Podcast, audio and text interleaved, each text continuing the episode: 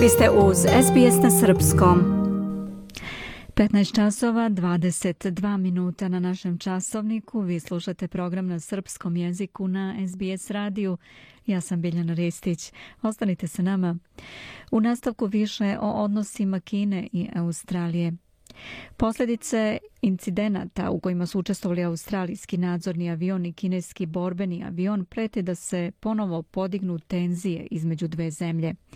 Kineski lovac je presreo avion Rafa tokom rutinskog pomorskog nadzora, primoravajući ga da se upusti u ono što je Ministarstvo odbrane Australije opisalo kao opasan manevar, piše Rena Sarumpit iz novinske službe SBS-a.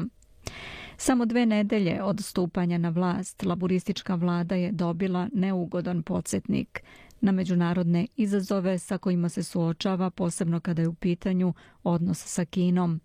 Presretanje australijskog aviona za pomorsko osmatranje RAF P8 26. maja u Južnom Kineskom moru označeno je kao veoma opasno. Kineski borbeni avion J-16 proleteo je blizu australijskog aviona P-8 pre nego što mu je oštro presekao putanju. Ministar odbrane Richard Miles kaže da je P-8 u potpunosti u skladu sa svojim pravom leteo u prostoru iznad međunarodnih voda. The South China Sea matters to Australia. Matters to Australia because most of our trade traverses the South China Sea. Južno kinesko more je važno za Australiju. Važno je za Australiju jer većina naše trgovine prolazi kroz Južno kinesko more. I zato kao nacija čvrsto podržavamo konvenciju Ujedinjenih nacija o pomorskom pravu i čvrsto podržavamo pravo na slobodu plovidbe u Južnom kineskom moru. Želim također jasno da stavim do znanja da ovaj incident neće odvratiti Australiju da nastavi da se bavi ovim aktivnostima. Dok su svi članovi posade ostali nepovređeni tokom incidenta, premijer Anthony Albanizi postavio je to pitanje kroz diplomatske kanale sa Kinom.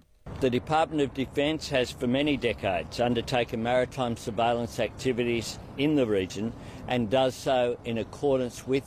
Ministarstvo odbrane već decenijama preduzima aktivnosti pomorskog nadzora u regionu i to čini u skladu sa međunarodnim pravom, ostvarujući pravo na slobodu plovidbe i preletanja u međunarodnim vodama i vazdušnom prostoru. Zabrinuti smo zbog ovog incidenta, izrazili smo zabrinutost putem odgovarajućih kanala i neću to više komentarisati, rekao je on. Strateški i politički analitičari kažu da je malo verovatno da se radi o sporadičnoj i samovoljnoj akciji pilota i da je potez verovatno dirigovan iz Pekinga. Istog dana kineski borbeni avioni uznemirili su i kanadski vojni avion koji je bio u akciji sprovođenja međunarodnih sankcija Severnoj Koreji. Kineski analitičar Australijskog nacionalnog univerziteta Graham Smith veruje da je taj potez bio usmeren na podrivanje Sjedinjenih američkih država. If you have these incidents where um, US allies are directly targeted um, in very aggressive maneuvers...